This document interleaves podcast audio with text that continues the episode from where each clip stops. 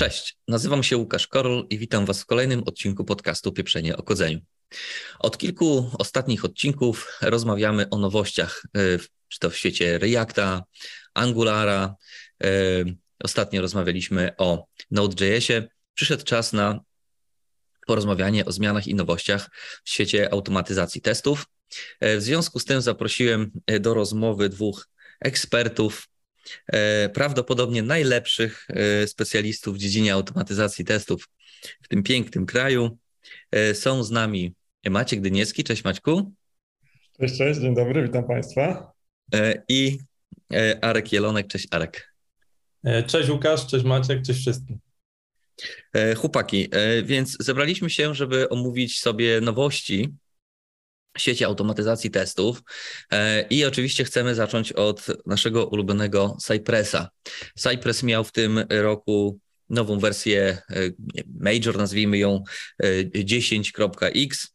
E, I jest tam sporo zmian, nowości, o których wiem, że chcecie nam opowiedzieć. Arek, zacznijmy od Ciebie i, i od takich tematów jak nowy plik konfiguracyjny oraz także migrat, migrator, migrator, nie wiem jak to poprawnie wypowiedzieć. Arek.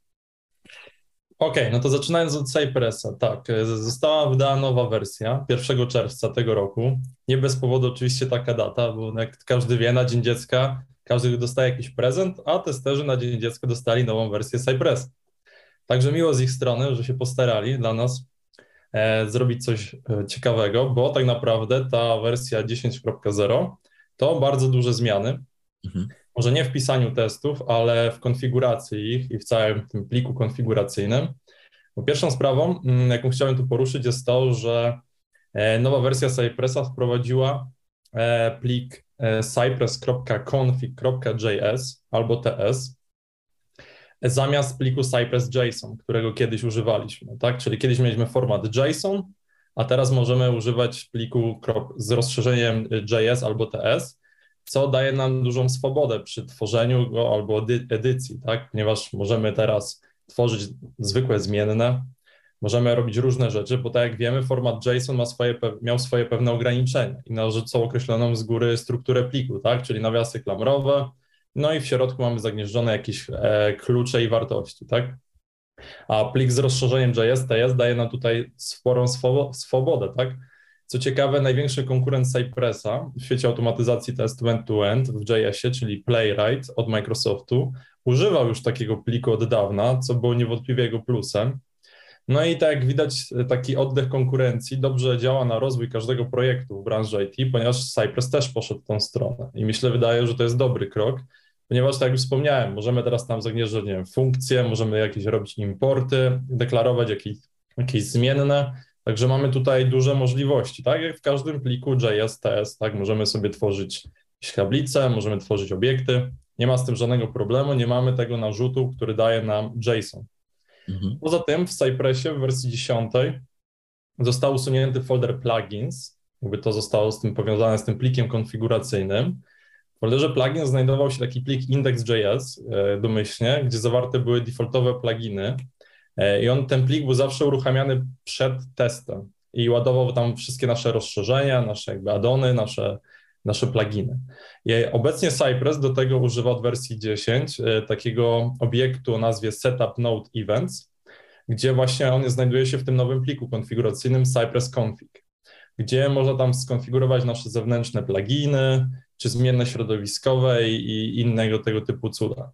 Także e, jakby to wszystko zostało przeniesione w jedno miejsce. Kiedyś musieliśmy to w dwóch miejscach robić. Mhm. Kolejnym tematem jest też support file, ponieważ e, w folderze support był taki plik, który się nazywał index.json, teraz się nazywa e2e.json, e, przepraszam, JS, jakby JavaScript oczywiście, nie JSON. I on też jakby teraz zmienił się nazwę pod E2E, e, żeby bardziej odnosił się e, te testy z, piramidów, z piramidy naszej e, testowej, żeby bardziej było jakby to rozróżnienie między testami end-to-endowymi, a testowaniem komponentów, o czym sobie pewnie za chwilę powiemy, ponieważ Cypress też dodał tą możliwość już, for, już w formie beta. Kiedyś to był eksperymentalny support, teraz to już jakby już forma, jest to wspierane w fazie beta. Mhm. No i też były takie pomniejsze, różne inne zmiany z tym związane, na przykład Folder z testami zmienił nazwę z Integration na E2E, aby odróżnić właśnie ten folder od testów komponentów, który będzie miał inną nazwę i w innym miejscu będzie się znajdował. No także jak widać jest sporo tych zmian. A mhm. to, co już wspomniałem, nie jest jakby kompletną listą. E, I tak teraz dla tych, co przeraża ilość tych zmian, które trzeba zaimplementować przy przejściu na nową wersję, to od razu uspokajam, że właśnie Cypress wraz z nową wersją e, dostarczył taki migrator, który w dużej mierze poprowadzi nas przez ten proces i usprawni przechodzenie na nową wersję. Uruchamia się on wraz e, z trybem graficznym, jakby tym GUI Cypressa poprzez komendę Cypress Open, Mhm. Pokazuje on nam, co będzie zmieniane i jakby mamy możliwość zautomatyzować ten proces samemu, zamiast krok po kroku modyfikować to manualnie i iść e, jakby po changelogu i sprawdzać, co musimy zmienić. Także to jest fajne, że pokazuje nam, hej, wcześniej miałeś folder integration z testami, teraz się będzie nazywał E2E. No i klikamy sobie tam dalej. Później pokazuje, że nie wiem, został usunięty plik cypress.json i mamy teraz cypress.config.js i ta nasza konfiguracja z cypress.jsona została przeniesiona jakby tam od razu. Także to jest fajne, ponieważ jakby mamy możliwość od razu, e, klikając tak naprawdę dalej, dalej, dalej, mm, przejść przez te najnowsze zmiany. No inaczej byśmy musieli to robić manualnie i Cypress też w zakładce Migration Guide na swojej stronie E, dopisał, jakby zrobił taki artykuł duży, gdzie to wszystko zostało opisane, co zostało zmienione i co trzeba poprawić. Także ktoś e, ma chęć samemu to wszystko zrobić, to może też sobie tam wejść i tą migrację przeprowadzić ręcznie. Mhm. No i jeszcze też okazało się, że, że z tą wersją Cypress 10, to takie insiderskie info, E, że jest taka paczka z Cypress Code Coverage i jakby mm, wejście Cypressa dziesiątki spowodowało, że przestała ona działać. To jest taka paczka do mierzenia pokrycia kodu e, testami end-to-endowymi i należy ją teraz zaktualizować do wersji 3.10, bo inaczej nie będzie ona działać z dziesiątką Cypressa. Ja w jednym z swoich projektów używam tą paczkę, nawet nie w jednym, e, używałem do tej pory, także przydaje się ona i też zauważyłem, że właśnie przez tą migrację do dziesiątki jakby ta, ta zewnętrzna paczka nie działała.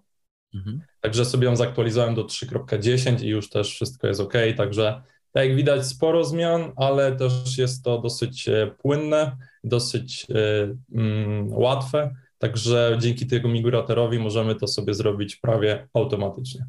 Mhm. Super, super. Dzięki, Jarek. No dobra, to lecimy dalej w takim razie z omawianiem tych zmian. Yy, Maciek, ty tutaj powiesz nam o trzech rzeczach. Yy, o nowym runnerze yy, UI dla trybu Cypress Open. Porozmawiamy właśnie o tym testowaniu komponentów, o, o którym już wspominał, wspominał Arek. No i na końcu pojawi się temat Cypress Studio, które zniknęło i się znowu pojawiło, więc y, y, Maciek, zacznijmy od tego runnera. E, jasne, dokładnie tak, jak już tu było wspominane. E, wraz z, z tą wersją Major 10 nie zmieniły się tylko funkcjonalności, ale zmienił się również nam wygląd e, Cypressa. Została tutaj zupełnie w elektronie przepisana ta aplikacja, więc elektronie, czyli znów dalej korzysta Cypress nawet do tej desktopowej swojej wersji aplikacji z JS-a i TypeScriptu, żeby ją stworzyć. E, I od wersji 10, gdy wpiszemy sobie CI, CI open, no zaskoczyć nas może to, cóż nam się otworzy, gdyż no, wygląd zmienił się zupełnie. Pierwsze, co zobaczymy, to jest właśnie podział na end-to-end testy i komponent testy, czyli już taką główną funkcjonalnością, funk funkcjonalnością tej zmiany wyglądu było to, żeby zwrócić uwagę użytkowników też na to, że zostały wprowadzone komponent testy właśnie już w fazie testów beta e, w Cypressie. E, o komponent testach zaraz opowiem więcej. E, mówiąc dalej o zmianach, jakie wprowadził nam wygląd w wersji 10, mamy teraz możliwość podejrzenia sobie bardzo ładnie konfiguracji, z jaką odpaliliśmy naszego Cypressa. E, możemy na przykład sobie zobaczyć, jaki mamy base, base URL ustawiony e, w tym UI-u. Możemy sobie podejrzeć również, z jakimi e, zmiennymi środowiskowymi odpalił nam się Cypress. Mamy również możliwość podejrzenia wyników testów Cypress Dashboarda, czyli poprzednich test runów. To jest dość fajne i na to zwracali też użytkownicy community Cypressa, bo do tej pory trzeba było po prostu wejść na stronę Cypress Dashboarda, a teraz jest to już jakby w jednym narzędziu. Skoro mamy ten UI Cypressa, to czemu od razu tam nie widzieć tej integracji płatnej, niestety, którą mamy z Cypress Dashboardem. Mhm. Tak. E, na lekki minus tego nowego e, UI można dodać to, że nie ma możliwości odpalenia wszystkich testów e, z tego widoku graficznego. Możemy tylko kliknąć na dany plik i on odpali nam testy z danego pliku testów. To jest taki, no, dla niektórych może być większy, dla niektórych mniejszy minus. Było głosowanie również na GitHubie Cypressa i jak widać no, nie, nie zdobyło aż tylu głosów, by E, tą funkcjonalność przywrócili w nowym, e, w nowym UI. Mhm. E, to może wrócę teraz do tych komponent testów, czyli właśnie tego głównego, głównej funkcjonalności dodanej z, w Cypressie 10.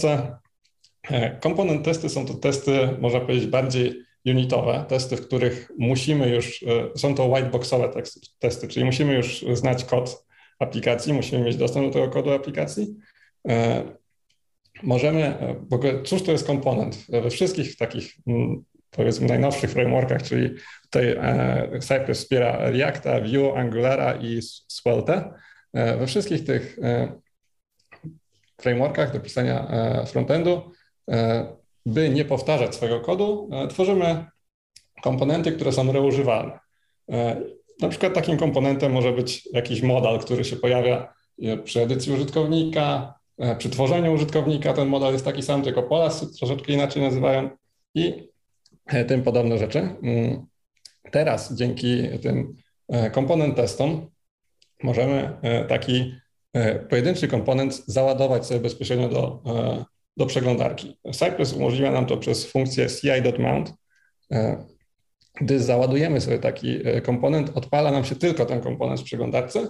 Możemy go zainicjować z takimi wartościami, czyli na przykład możemy mu przekazać, że to ma być właśnie na przykład model do tworzenia użytkownika albo model do edycji użytkownika i mamy na stronie tylko ten model, przez który możemy przeklikać e, testami automatycznymi się, dzięki czemu e, symulujemy takie realne kliknięcia użytkownika przez aplikację i takie testy są dużo szybsze, bo nie musimy załadować całej aplikacji, ładujemy tylko pojedynczy komponent i też możemy dużo szybciej taki komponent sprawdzić, bo przy testach end-to-end na przykład trzeba przejść cały flow, zanim się dojdzie do tego modelu, a tutaj no, możemy od razu taki model za, załadować, mamy to od razu pokazane i możemy go sprawdzić. E, więc to jest taka dość duża, e, duża zmiana. E, też na pewno jest to trochę taki ukłon w stronę programistów, bo tutaj no, zapewne testerzy jak najbardziej też mogą, jak tylko chcą, pisać komponent testy, no ale to już trzeba znać trochę bardziej ten kod frontendu, wiedzieć gdzie, jak dany komponent został zaimplementowany, żeby móc z tego korzystać. E, I nasz kolejny e, temat, czyli Cypress Studio, który się tutaj nam objawia i znika. E, Cypress Studio było dodane w poprzednich wersjach Cypressa.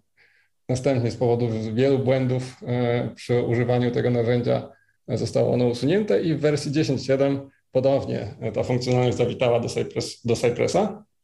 Jest to funkcjonalność E, nagrywania testów, czyli po prostu możemy sobie przeklikując aplikację e, nagrać testy. Naturalnie nagrywa się ten kod w postaci no, takiej trudnej do utrzymania, czyli wszystko jest selektory, wszystko mamy w danych komendach powrzucane. E, nie ma, nie może, później naturalnie możemy sobie to powyciągać, ale jest to może bardziej takiego robienia POC testów, czy też szybszego po prostu przejścia do danego flow, żeby nagrać. To po prostu wizualnie klikając. E, I by to zrobić, odpalamy sobie właśnie Cypressa w trybie UI, przez to Cypress Open. E, musimy naturalnie jeszcze wcześniej ustawić, gdyż jest to funkcjonalność na razie eksperymentalna, jako że wróciła do nas dopiero co. Musimy ustawić sobie ją w pliku konfiguracyjnym, o którym wspominał Arek, że włączamy taką funkcjonalność jak Cypress Studio. Następnie, jak odpalimy Cypress Open, przejdzie test, który odpaliliśmy, to na końcu tego testu możemy kliknąć taki ołóweczek i tam wybrać, że chcemy przeklikać danej aplikacji, żeby nam nagrywał testy. I w tym momencie, w tym oknie e, Cypressa, jak zaczniemy klikać po aplikacji, to on zacznie nam dopisywać e, te, te kroki, przez które się przeklikujemy. I to tyle. Super, super, fajnie. E, a powiedzcie mi, tak w praktyce korzystaliście kiedyś z tego Cypress Studio? Ja mówię ja szczerze. No. Spoko, dobra. To w takim razie tak, wracamy do Arka i pojawia się tutaj temat wsparcia dla WebKita. Powiedz, powiedz Arek, o co tutaj chodzi, jak, jak, jak to jest ważne lub nie. No właśnie to jest ogólnie ciekawy temat, e, bo tak naprawdę Cypress do tej pory nie wspiera WebKita, miał go na swoim roadmacie, tak, bo WebKit to jest silnik, na którym jest postawiona przeglądarka Safari, tak, na Mac, używana na MacBookach. No i teraz tak, e, jakby największym problemem Cypressa w porównaniu do Playwrighta na przykład, który był jakby jego największą konkurencją, było to, że Playwright wspiera WebKita, a Cypress nie. No i jakby społeczność domagała się tego, żeby to jakby wprowadzić. No i jakby Cypress wrzucił to na roadmapę, no i zastanawialiśmy się zawsze, kiedy to zostanie wprowadzone, tak, żeby jakby odebrać ten argument, który zawsze miał Playwright. No, ale teraz jakby od wersji 10.8, czyli najnowszej na moment nagrywania tego e, podcastu, zostało jakby dodane wsparcie dla WebKita, ale co ciekawe, żeby mieć wsparcie dla WebKita w Cypressie, to należy zainstalować paczkę z NPM o nazwie playwright-webkit. No i to jest trochę, pachnie trochę im trochę Januszeksem, bo to nie jest tak naprawdę wsparcie dla Safari, bo ja sam pracuję na Macu i mam zainstalowane jakby natywnie w systemie e, Safari, gdy uruchamiam Cypressa poprzez e, Cypress Open i mam to GUI, gdzie mam jakby dostępne przeglądarki, które mogę uruchomić testy, to tego Safari tam nie wykrywa. Nie ma jej na liście. Także, że jakby, żeby móc odpalić te testy teoretycznie w WebKicie w Safari, muszę sobie pobrać paczkę e, Playwright WebKit.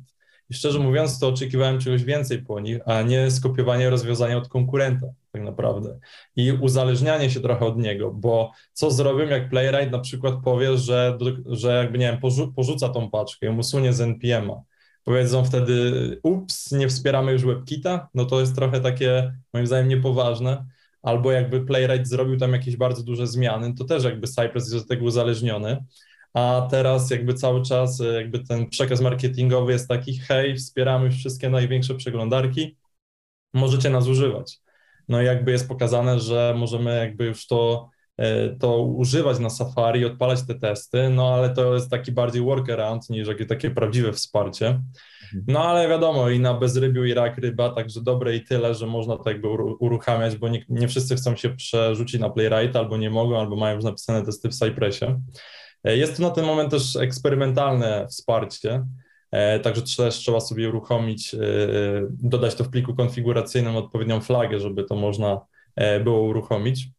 Także może nas jeszcze zaskoczą coś w tym temacie i za jakiś czas okaże, się, że to było tylko tymczasowe rozwiązanie. Chociaż obecnie no, nie ma takiej narracji, tak? No, czas pokaże dopiero w jakim kierunku to pójdzie.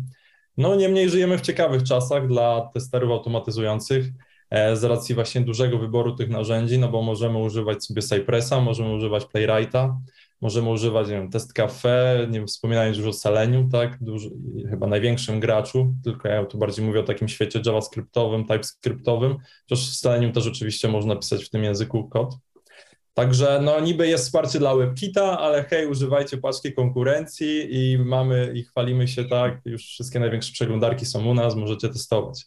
No także to, to raczej nie jest dla tych, którzy śledzą Cypressa od dawna, no to nie jest jakby, nie zaspokoiło to ich e, tutaj e, oczekiwań na temat tego narzędzia, no bo każdy jednak myślał, że to będzie takie natywne wsparcie, że każdy, kto ma jakby Safari zainstalowane najnowsze u siebie, no to będzie mógł też uruchomić te testy. No na tą chwilę pewnie są jakieś większe problemy z tym, żeby to jakoś wdrożyć, no i na szybko wprowadzili coś takiego. Mhm. No super, bardzo ciekawe. E, to do Playwrighta jeszcze wrócimy, ale jeszcze zostaniemy chwilę przy Cypressie. E, tutaj jeszcze mam na liście takie tematy, e, Maciek, dla Ciebie. Natywne wsparcie dla procesorów M1 i M2 od, wiadomo, od firmy Apple. No i też kwestia wsparcia dla testów w wielu domenach. Tak jest. Tutaj jeśli chodzi o M1 i M2, to Node.js e, wszystkie swoje LTS wersje, czyli te, które są długo utrzymywane i długo wspierane, dostosował już e, do tego, by współpracowały i wykorzystywały moc procesów M1 i M2 od Apple. Więc gdy Cypress sprawdził, że sam korzysta z takiego Node'a oraz wszystkie paczki, na których jest zbudowany, również wykorzystują takie wersje Node'a. Mógł już spokojnie o, o, ogłosić, że również ma wsparcie dla e, procesorów M1 i M2 i to nastąpiło od wersji 10.2 mm, Cypressa. E, a ciut wcześniej, bo w wersji 9.6 właśnie doszła w końcu funkcjonalność, na którą ticket, na, ticket temat na nią był w GitHubie Cypressa od ponad 4 lat, czyli dodanie możliwości wsparcia e, wielu domen w pojedynczym teście w Cypressie.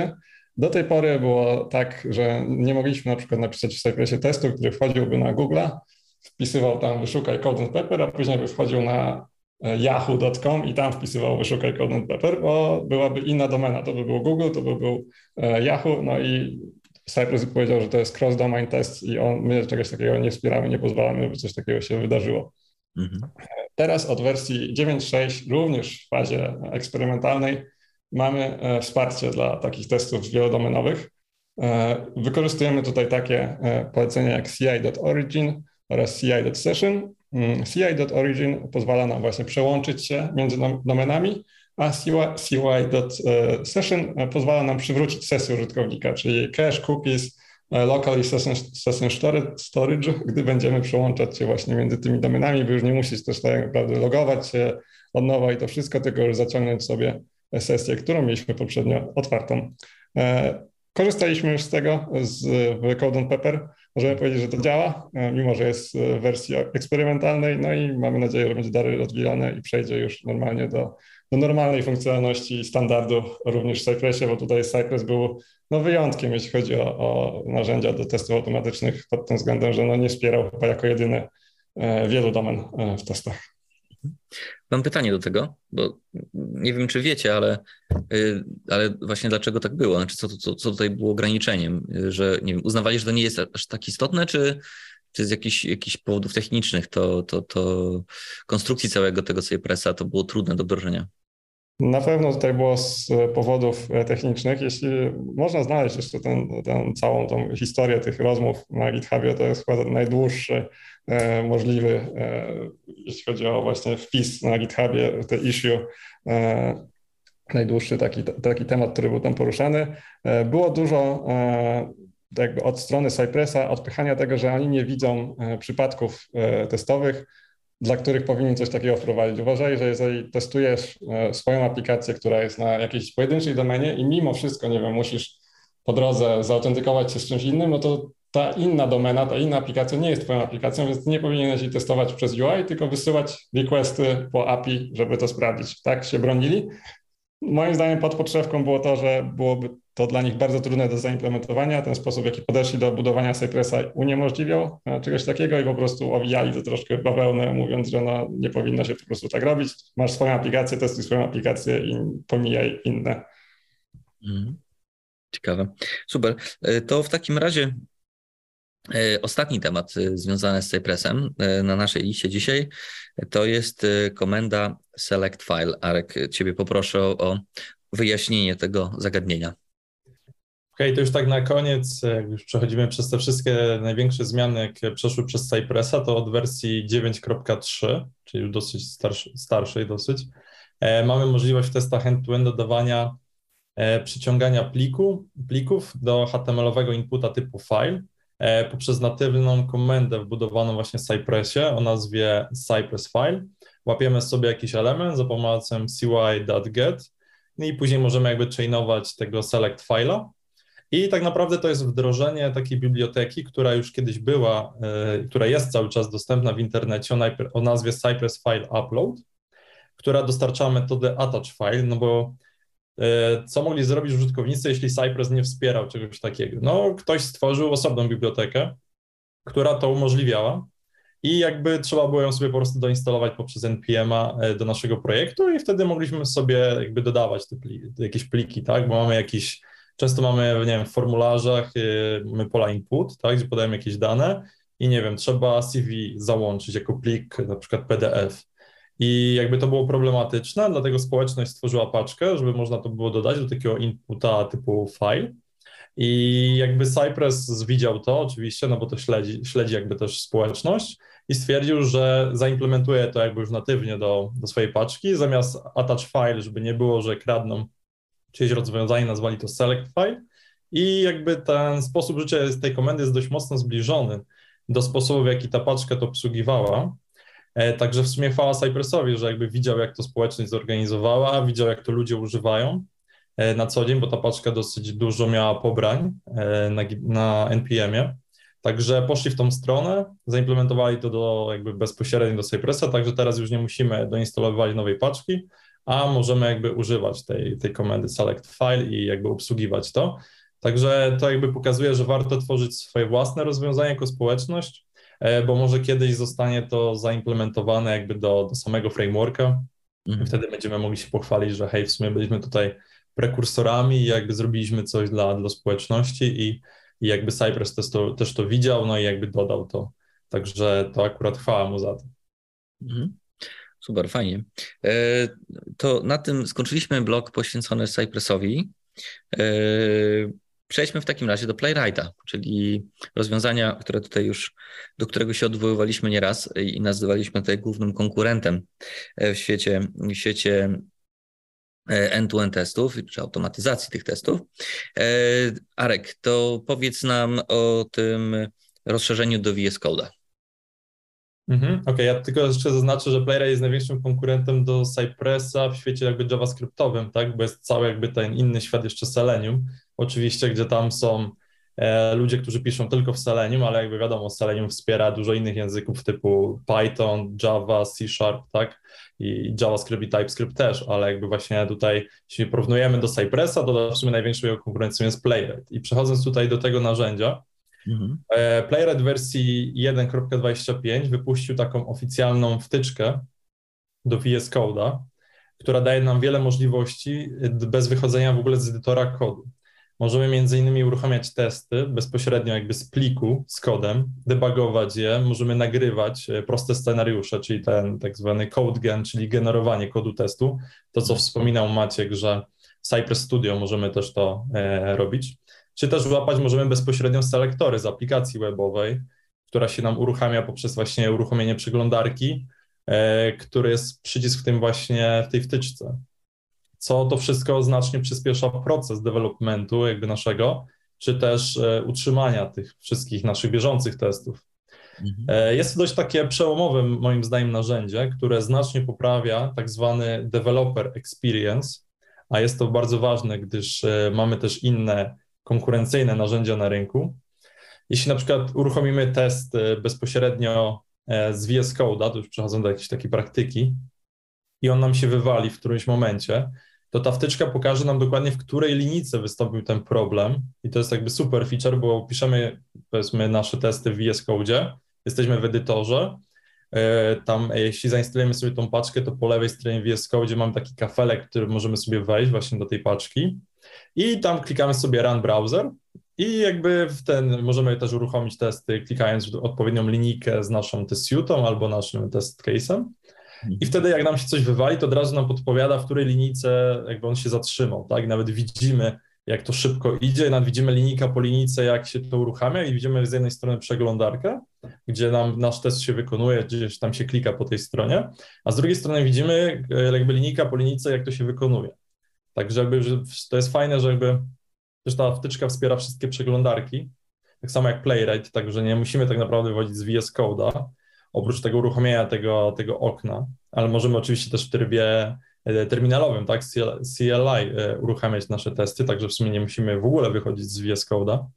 E, możemy wszystko sobie robić w naszym, w naszym narzędziu, no bo to jest taka synergia, tak, ponieważ za VS Code'em stoi Microsoft, za Playwrightem też stoi Microsoft, także jakby mamy jednego tutaj prowajdera i jakby tutaj ta integracja jest na bardzo wysokim poziomie.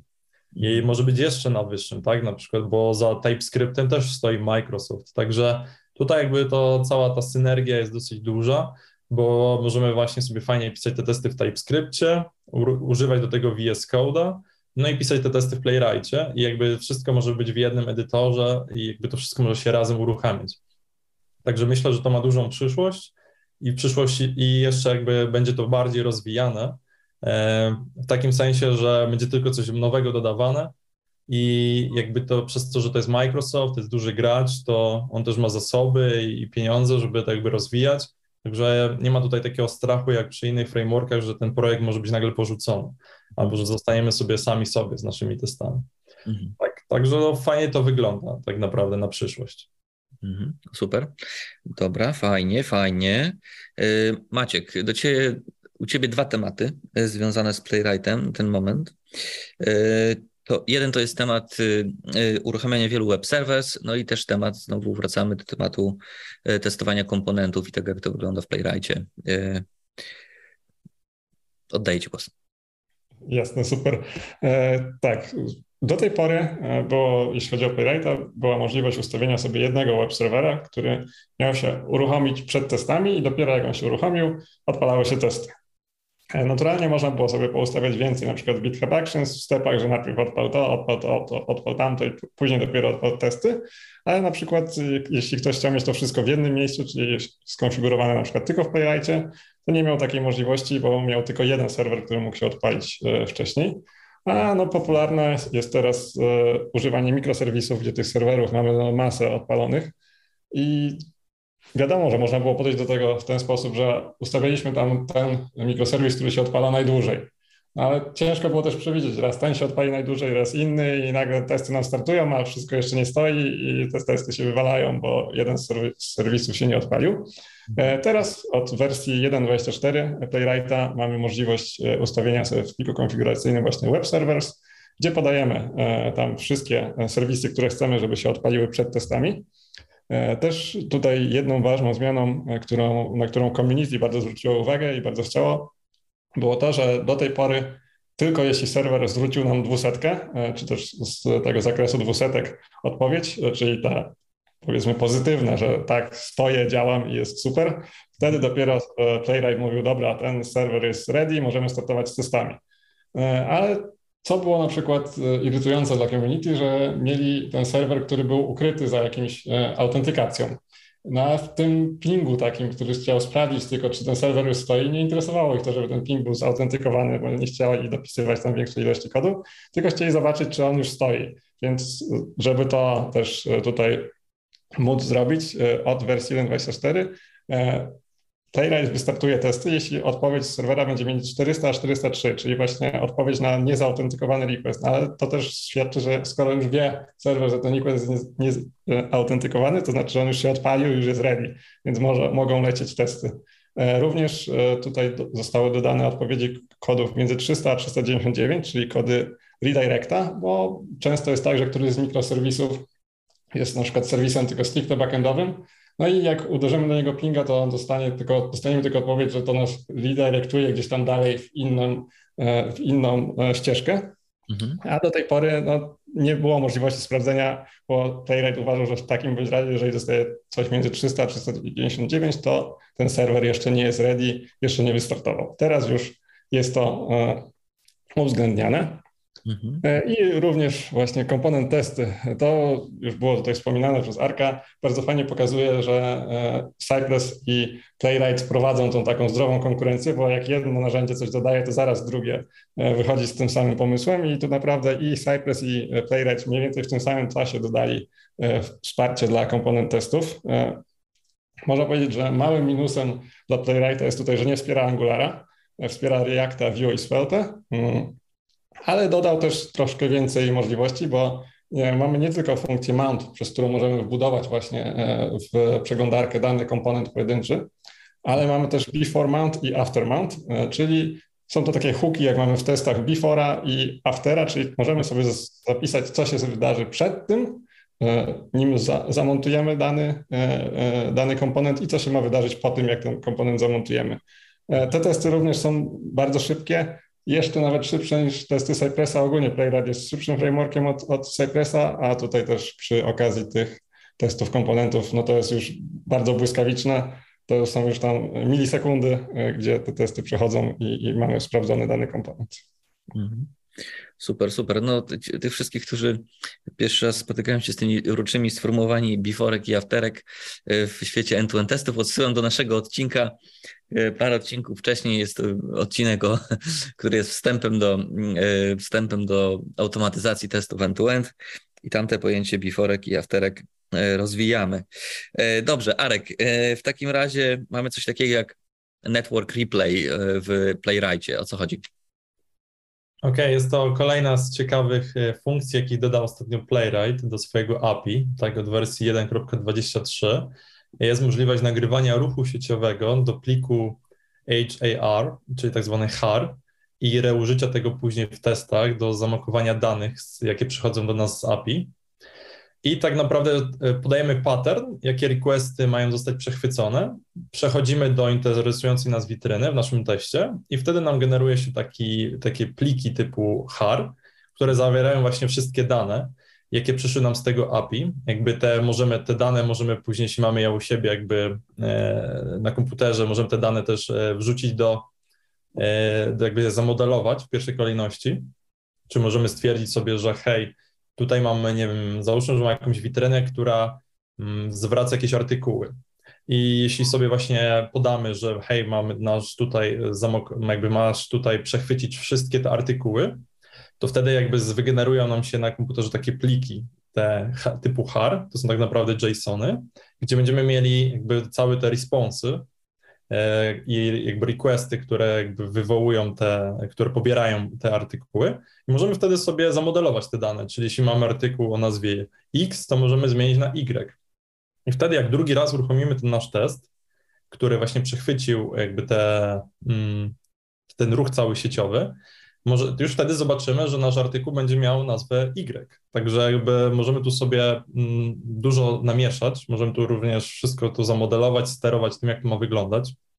I możemy sprawdzić, co tak naprawdę ma się w tej aplikacji pokazać, tak? Bo tak jakby to pozwala oddzielić taką warstwę frontendową od backendowej, tak? Naszej aplikacji. Jakby możemy testować jakby w izolacji. No bo jakby mamy w Cypressie te fixtures, które możemy używać do zamokowania sobie naszych danych, no i wtedy mamy naszą aplikację frontendową, która używa konkretnych danych z naszego pliku fixture, ale jakby często nie mamy czasu, żeby go stworzyć, tak, no bo ten plik musi mieć odpowiednią strukturę, taką samą jak response, tak, to samo body, te same elementy i jakby ten, e, jakby to narzędzie pozwala nam jakby przechwycić te wszystkie response requesty, które idą przez, na dany endpoint. Mamy te wtedy jakby te pliki wygenerowane u siebie. Możemy je sobie tam podmieniać, pozmieniać, co tam chcemy. No i wtedy jak test nasz uruchamia, uruchomimy kolejny raz, to jakby on już wtedy wie, że mamy to jakby na komputerze, mamy u siebie gdzieś tam w repozytorium.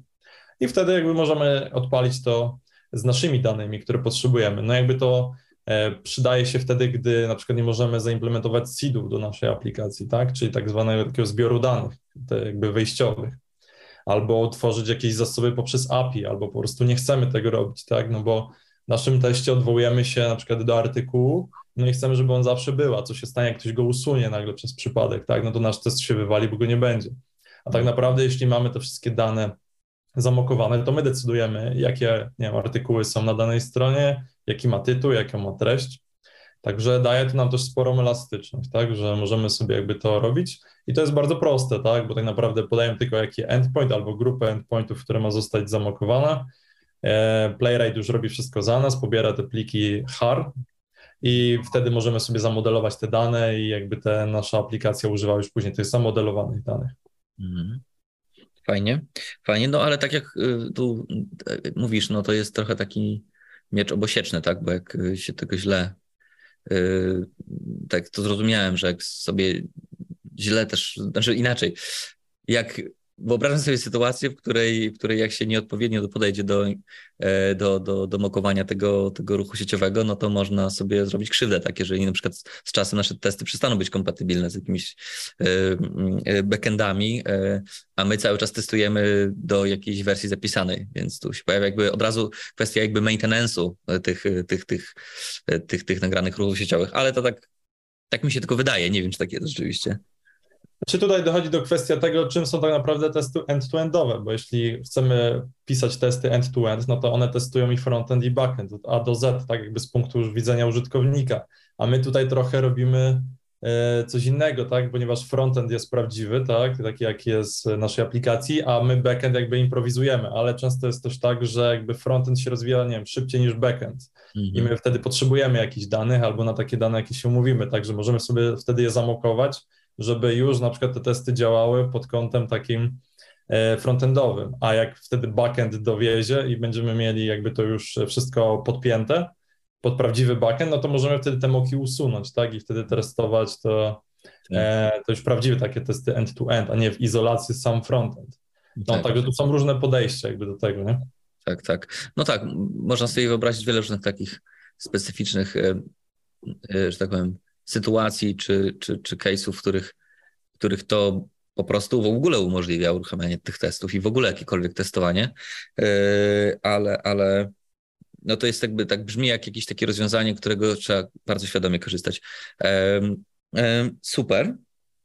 E, dobrze, to w takim razie jest coś takiego jak y, tryb fully parallel. Maciek, o co chodzi? Tak. Playwright od zawsze wspierał od, możliwość odpalania testów e, równolegle i to tak w porównaniu do Cypressa zupełnie za darmo, a jak wiemy za darmo to uczciwa cena, więc tutaj Playwright bardzo nam plusował pod tym względem. E, a od wersji Playwrighta 1.2 mm, możemy odpalić wszystkie testy w Playwrightie w trybie równoległym. E, wystarczy w pliku konfiguracyjnym ustawić flagę fully parallel na true. E, w poprzednich wersjach wyglądało to tak, że w każdym pliku z testami trzeba było ustawić, że te testy są, będą odpalane równolegle.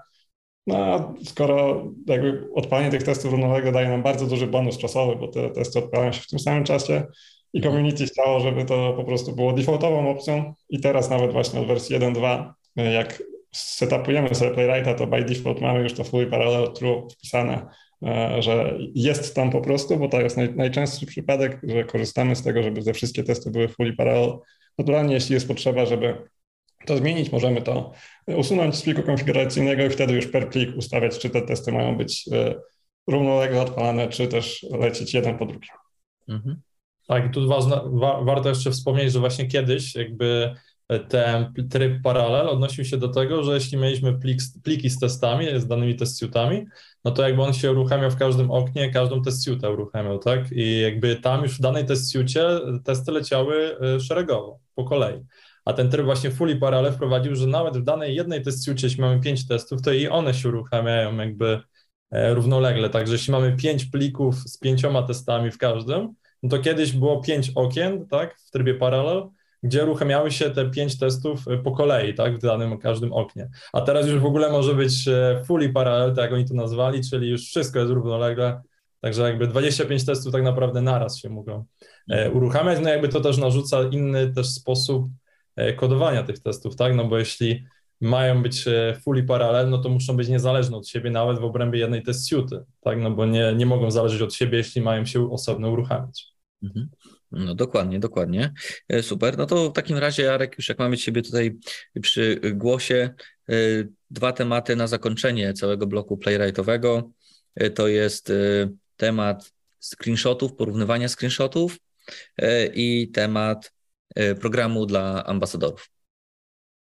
Okej, okay, także, okay, także Cypress tutaj od wersji 1.20 mm, wprowadził takie nowe możliwości do robienia... Playwright w sensie, znaczy mówisz Playwright. Playwright, oczywiście Playwright. Okay. No, cały czas żyjemy w tym Cypressie i, i, już się mylą te narzędzia. Tak. E, Playwright od wersji 1.20 wprowadził możliwość e, robienia i porównywania screenshotów na zupełnie innym poziomie, ponieważ już dawno już to wspierał, ale tak naprawdę ludzie sobie tak nie zdają sprawy, jak ważnym też to jest e, featurem, ponieważ robienie screenshotów pozwala jakby na taką wizualną regresję, tak? Czy coś w naszej aplikacji się nie zmieniło, to się przydaje oczywiście przy jakichś takich aplikacjach, gdzie już mamy rozbudowane te elementy, już mamy tam aplikację już takim po MVP, załóżmy, gdzie już nie będzie za dużo zmian i możemy wtedy testować piksel po pikselu. Tak, czy na przykład jeśli wprowadzimy jakiś nowy, nie wiem, ikonkę, czy tam reszta nam się nie, przy, nie przesunie w prawo, w lewo, albo czy, czy wszystko jest ok, tak, na naszej stronie, czy wszystko się załadowało. Jest też takie e, nowe narzędzie, znaczy nowe, już od jakiegoś czasu używane, które było też mocno związane e, z Cypressem, nazywało się Persi, przynajmniej ja to używałem głównie z Cypressem. To była taka platforma, która została teraz też przejęta przez Browser Stacka, która pozwalała właśnie jakby nakładać sobie screenshot do screenshotu danej strony i wtedy mogliśmy sobie sprawdzić, czy mamy jakieś zmiany, tak? Czy jakiś, nie wiem, dany modal się o 5 pikseli w prawo przesunął albo czy w lewo. Także mieliśmy to, to e, jakby możliwość tego zrobienia. No i jakby przechodząc tutaj do sedna, co tak naprawdę wprowadził nowego Playwright?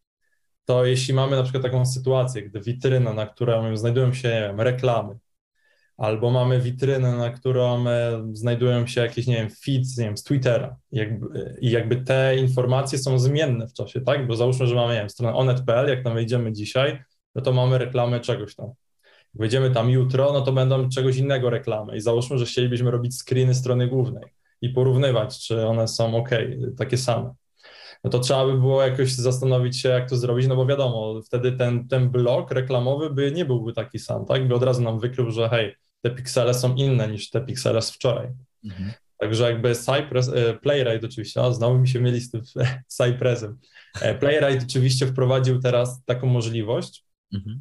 Że po pierwsze możemy nakładać takie maski, czyli mamy naszą e, jakiś, nie wiem, diva z naszą reklamą o klasie, nie wiem, ad.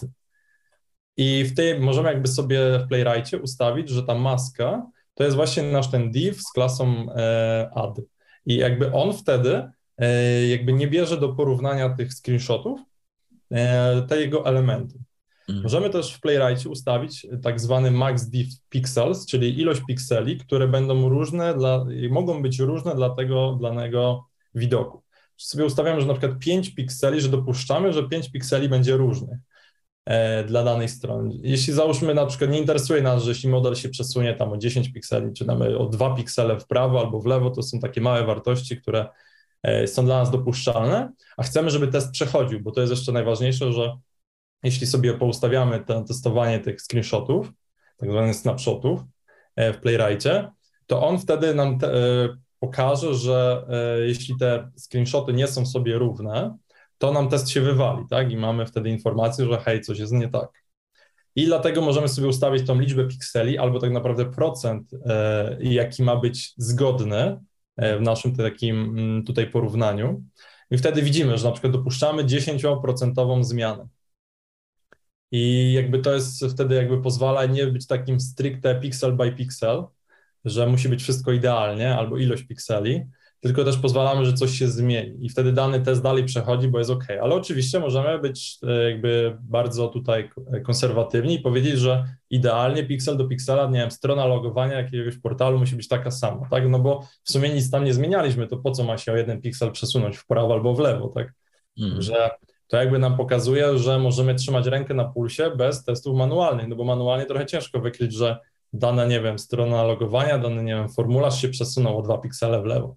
A dzięki temu narzędziu i możemy jakby to robić, no i dzięki tym różnym funkcjonalnościom jakby te testy nie będą flaky, no bo możemy sobie to wszystko e, tutaj poustawiać, czy ilość pikseli, czy jakby aspekt reakcji od tego całego tematu, czy też możemy wyłączyć animację, no bo też mamy problem, że mamy jakąś stronę, która ma jakąś dużą animację, albo że mruga coś na stronie. No i raz zrobi się screenshot, jak to jest na stronie, a raz tego nie ma, bo załóżmy co pół sekundy coś mruga na mhm. stronie, tak się pojawia i znika, no to wtedy te, te screenshoty też nie będą sobie równe. Albo mamy na przykład kursor, który gdzieś, nie wiem, podamy kursor w jakimś inpucie, to on też nam mruga domyślnie, tak, że tutaj jestem, hej, jestem w tym inpucie. Także też jakby możemy wyłączyć te animacje i jakby porównywać wtedy te screenshoty. Jakby to powoduje, że jakby praktycznie mamy obsłużone 99,9 przypadków, gdzie jakby te screenshoty mogą nie być równe sobie, i wtedy jakby być spokojni, no bo jeśli mamy już aplikację, rozwijamy ją, no to mamy tam porobione, e, wszędzie poustawiane te screenshoty i w miejscach, w których nie zmieniliśmy nic, nie powinno się nic zmienić, a jeśli cokolwiek się zmieni, przesunie o jeden piksel, mamy od razu o tym informację. Mhm. Także jest to fajne i możemy też to śledzić. Oczywiście w Cypressie też jest taka możliwość, żeby robienia screenshotów, ale nie ma tego możliwości takiego porównywania tego, a co, a co dopiero robienia tych masek albo ustalania, że hej, 5-10 pikseli może się różnić. Właśnie tego tam nie ma. A tu jakby Playwright wchodzi na zupełnie inny poziom porównywania tych screenshotów, e, coś, co robi właśnie Percy, że tam też dokładnie widać, które elementy na stronie zostały zmienione. I wspomniałeś też o programie ambasadorów w Playwrightie. Tak, właśnie Playwright wprowadził też swój program do ambasadorów, ponieważ Cypress od już dłuższego czasu ma też taki, e, taki program. W tym gronie na tą chwilę nie ma Polaków żadnych, bo jakby ten program dopiero ruszył. Jest tych ambasadorów bodajże 8 albo 10. I teraz co zrobić, żeby stać się takim ambasadorem? No nie jest to takie proste, ponieważ trzeba się udzielać w internecie, trzeba jakiś tworzyć content z Playwrightem, albo to nie wiem, dzielić się wiedzą, gdzieś mieć swój jakiś kanał na YouTubie, pisać bloga, artykuły, albo organizować jakieś kursy lub warsztaty, lub pojawiać się na jakichś konferencjach na tematy związane i prowadzić jakieś um, swoje wystąpienia na temat Playwrighta. No jednym słowem trzeba się dość mocno udzielać tak, w tym temacie, żeby, żeby móc y, zostać ambasadorem. No ale jeśli już uważamy, że spełniamy te kryteria, to możemy się do nich odezwać poprzez oficjalny workspace na, na Slacku, bo tak by the way Playwright prowadzi oficjalnego Slacka dla do komunikacji z community, Także każdy może tam wejść i zadać jakieś pytanie e, lub napisać coś na otwartym kanale. Ja właśnie też tam jestem dodany i sobie czytam często, kiedy ludzie tam zadają pytania, różne problemy tam mają i tam można bezpośrednio z tymi ludźmi z Playwrighta sobie rozmawiać. I jeśli już wiemy, że chcielibyśmy nim zostać, to piszemy sobie do takiego jednego z trzech weryfikatorów i po pozytywnej takiej rozmowie z nim i jakby przedstawienie swojej osoby i pokazania, jak bardzo się udzielamy, mhm. możemy zostać takim ambasadorem. No a później to już wiadomo, tylko duma i chwała w świecie QA, no i nie licząc plus 10 do respektu, na, no, i, no i masy nowych wiadomości na LinkedInie, tak, no bo to raczej ma taki też bardziej prestiżowy charakter, zostanie takim ambasadorem czy to Playwrighta, czy Cypressa. Mhm. Także to jest e, dosyć ciekawe, no i takie mobilizujące dla ludzi, którzy chcieliby się bardziej zaangażować. No, tacy ambasadorzy też mają dostęp do, e, wcześniejszy dostęp do informacji, w jaką stronę będzie się Playwright rozwijał, czy też Cypress, mają dostęp do takich zamkniętych społeczności, tych deweloperów, którzy tam e, piszą kod. Można jakby być jakby takim mieć insiderskie info dużo wcześniej niż cała reszta. Także no ciekawy pomysł. Myślę, że niedługo jakiś Polak zostanie na pewno ambasadorem też. Mhm. Okej. Okay. A czy on będzie miał na nazwisko Jelonek? nie wiem, na razie nie udzielam się aż tak mocno, żeby, żeby zostać ambasadorem, ale może kiedyś w przyszłości. Super, to trzymam kciuki, a żeby tak było. E, idziemy dalej. To teraz wyjdźmy trochę poza, poza te nasze ulubione główne narzędzia, czyli Cypress i, i Playwright. Zróbmy szybką rundę po tym świecie, yy, znaczy po tych rozwiązaniach innych niż, niż te omawiane. E, Maciek, e, powiedz nam krótko, e, czy i co nowego w Test Cafe i w Selenium? Tak, Test Cafe nam wypuścił nową wersję Major również, jest to Test Cafe 2.0, na razie jest w wersji alfa. Co tutaj jest taką ważną zmianą? Dla użytkowników, którzy pisali testy w JavaScriptie, tak naprawdę nie zmienia się praktycznie nic mogą sobie zainstalować Test Cafe 2.0 i być szczęśliwymi użytkownikami Test Cafe 2.0. Jeśli pisaliśmy testy w TypeScriptie, no to tutaj już będziemy musieli sobie przemigrować te testy, dlatego że w wersji 2.0 została zmieniona e, wersja TypeScriptu z wersji 3.9 do wersji 4.7, a było tutaj trochę breaking changes, więc no na pewno będzie trzeba te testy dostosować do tej nowszej wersji TypeScriptu. E, również takim dodatkiem, e, który wyszedł w tej wersji 2.0, jest możliwość ustawienia e, skipowania błędów, które się pojawiają w konsoli e, deweloperskiej podczas testów. E, do tej pory mieliśmy to w TestCafe zaimplementowane w ten sposób, że ustawialiśmy w głównym pliku konfiguracyjnym, że nie chcemy, żeby po prostu takie błędy nam wyłapywały, wyłapywało TestCafe i wtedy we wszystkich testach to było ignorowane. Teraz możemy per plik testów ustawić, że w tych testach chcemy, żeby tego nie robił, a w innych chcemy, żeby to robił, no bo tam w innych może być jakiś błąd, który będzie ważny dla, e, dla e, po prostu aplikacji i chcemy go wyłapać. Więc możemy tak jakby sobie bardziej to dokładniej e, przetestować i sprawdzić. Jeśli chodzi o Selenium, to już mija prawie, prawie, prawie rok, tak, od kiedy wyszła wersja taka Major 4. Można mhm. tutaj powiedzieć, że na Selenium się nie rozwija tak, tak szybko jak właśnie inne tutaj frameworki, jak na przykład Cypress czy, czy Playwright ale e, też z drugiej strony można powiedzieć, że dzięki temu ten framework jest stabilniejszy i tak no, jak już się go nauczymy, no to jakby lecimy dalej z jednym ustawieniem i wiemy już co robimy i jak robimy. Nie ma tych zmian tak wiele.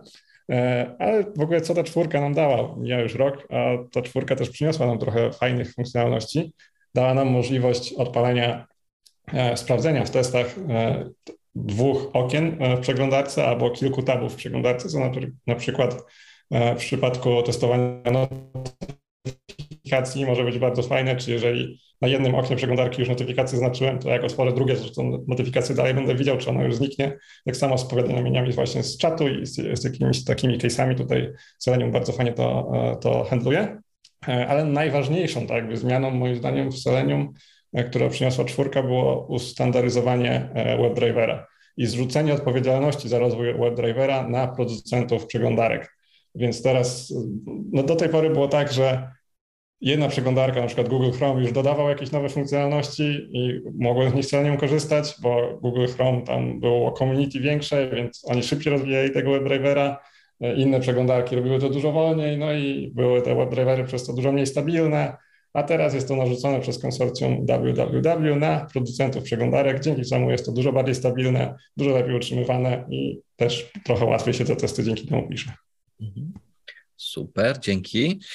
E, to na koniec e, jeszcze taka informacja, nie wiem, czy już tak z obowiązku kronikarskiego, czy, czy to ma jeszcze jakieś praktyczne e, implikacje. Koniec protraktora, kto ma 100 lat, ten pamięta,